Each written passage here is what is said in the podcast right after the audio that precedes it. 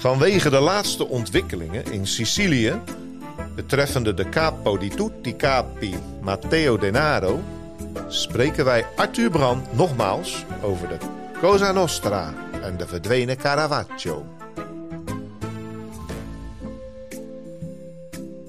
Matteo Denaro is opgepakt. En Arthur, jij hebt gezegd, ja, als Matteo Denaro omvalt of als hij gepakt wordt, dan is de Caravaggio eh, niet ver weg meer.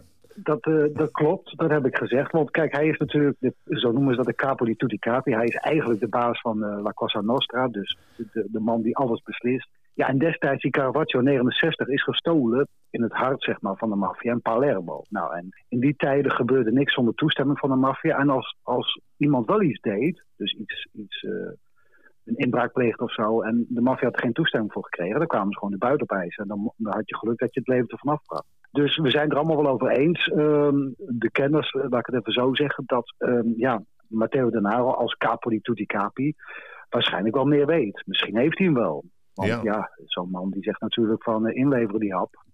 Alleen de vraag is nu, want uh, die vraag werd me ook gesteld, ik ben natuurlijk ook wel gebeld uit, uit Sicilië, door kranten. En die vraag werd me ook gesteld, van komt u nu boven water? En toen dacht ik in één keer, ja, waarschijnlijk toch niet. Want ja, Matteo Denaro die heeft weinig kans op, op strafvermindering. Want ja, hij heeft mensen vermoord, zoals een kind. En ja, dan krijg je zelfs in Italië geen strafvermindering. Zelfs niet als je gaat praten als maffiabaas.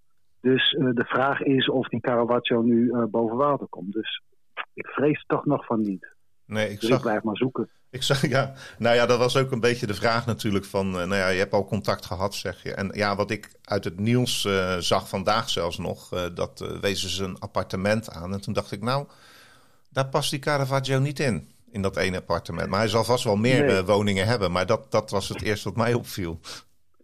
Nou ja, wat ze, wat ze altijd doen is uh, in dit soort zaken, en dat doen niet alleen dit soort figuren, maar ook gewoon in Nederland, uh, dieven. Uh, ik ken nogal wat van die jongens die dit soort zaken hebben gedaan. En als je ze dan spreekt, dan zeggen ze altijd, ja, als we zo'n roofoverval of we zo'n overval hadden gepleegd op een museum of wat dan ook, of een inbraak. Het eerste wat we dan deden was naar een plek gaan om de spullen te verstoppen. Want ja, als je gepakt wordt een dag later en de spullen liggen bij je, ja, dan heeft de advocaat natuurlijk niet zoveel uh, geschud meer om te zeggen dat je niks mee te maken hebt. Van ja, weet ik ervan hoe dat ding onder mijn bed komt. Dus uh, ze zoeken altijd dan een, gelijk een plek om die spullen te verstoppen. Dus dit soort, plek, dit soort stukken, geroofde kunst, schilderijen, beelden of wat dan ook, ja, die vind je dus nooit onder het bed. En dat maakt het ook altijd zo moeilijk om dit soort zaken op te lossen. Arthur, uh, je hebt ook wat, uh, vertelde je vorige keer, uh, wat, wat contacten ja, in, de, in de tweede rang achter Denaro. Nu is het ja, zo... ik denk wel derde rang hoor. Derde rang.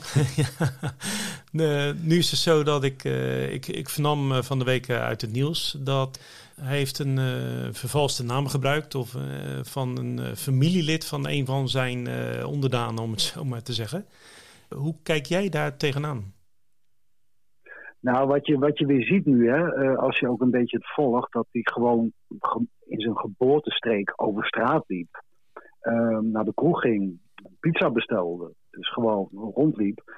Ja, uh, hij heeft ook niet zijn gezicht veranderd, dus waarschijnlijk wist het hele dorp of die hele streek daar dat hij daar rondliep. Maar niemand durft toch naar de Carabinieri te gaan. Want ze zijn altijd bang, ehm, of het komt al eerder uit dat iemand van de Carabinieri misschien wel op de loonlijst staat van de maffia of in ieder geval later van, nou, dat is de meneer of mevrouw die Matteo Denaro heeft aangegeven. Ja, dan, uh, dan kun je wel emigreren natuurlijk. Dus hij kon daar kennelijk um, ongestoord rondlopen, moet je je voorstellen. Misschien wel de meest gezochte man ter wereld. Die gewoon in zijn eigen, in zijn eigen geboortestreek uh, over straat loopt en uh, ongewapend en een, een espresso bestelt in de bar. Ja, dat is dus dat geeft al aan wat voor macht ze hebben. Maar wat, wat ja, wel uh, opviel uh, in het nieuwsbericht eigenlijk, dat was de burgemeester van zijn geboortedorp zich publiekelijk uitsprak en toegejuicht werd door de bevolking, met name de jongere mensen. En je ja. zou bijna vermoeden dat er een soort cultuuromslag aan het plaatsvinden is, dat de mensen niet meer zo bang zijn als zeg maar 10 jaar, 20, 30 jaar geleden voor de maffia. Ja, dat, dat is zeker zo. En jonge lui zijn natuurlijk altijd wat idealistischer. Uh, je zag vrij weinig oudere mensen, want die weten inmiddels al de klappen van de zweep.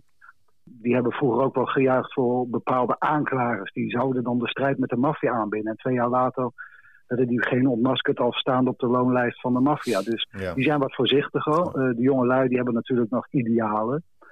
En ehm, ja, de maffia, die, die, de, de, kop is er wel af. En um, ze zijn niet meer zo machtig als vroeger. Maar ja, de maffia zelf als organisatie is misschien minder slagvaardig. Maar de corruptie die natuurlijk uh, overal nog welig. Ja, ja. En ik denk niet dat je het ooit, er ooit echt eruit krijgt. En ja, zo'n burgemeester, uh, ja, wat moet hij zeggen? Van, ik vind het jammer dat hij opgepakt. Nee, hij moet wel daar voor de Kamer gaan zeggen. Fantastisch dat hij is opgepakt. En dat zal hij ook menen. En de maffia zal hem ook niet zo snel omleggen voor zoiets. Want de maffia weet ook wel, ze zit al in het verdomhoekje. En als je nu nog weer mensen gaat uh, liquideren, ja, dan op een gegeven moment heb je natuurlijk wel, dan krijg je weer het volle gewicht van de staat achter je aan. Dus dat, daar zijn ze wel voorzichtig in geworden.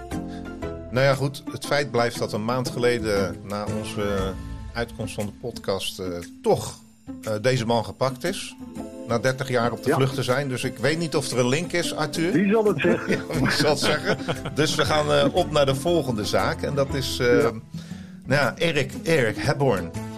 En... Nou, Hebborn is dood, hè? Dus die ja, we niet dat meer, is waar. Maar zijn, maar misschien zijn moordenaar nog. Ja, daar zeg je wel wat, hè? Want ja, het is waarschijnlijk toch wel weer een maffiamoord geweest. Ook, ook hier weer, dus ja.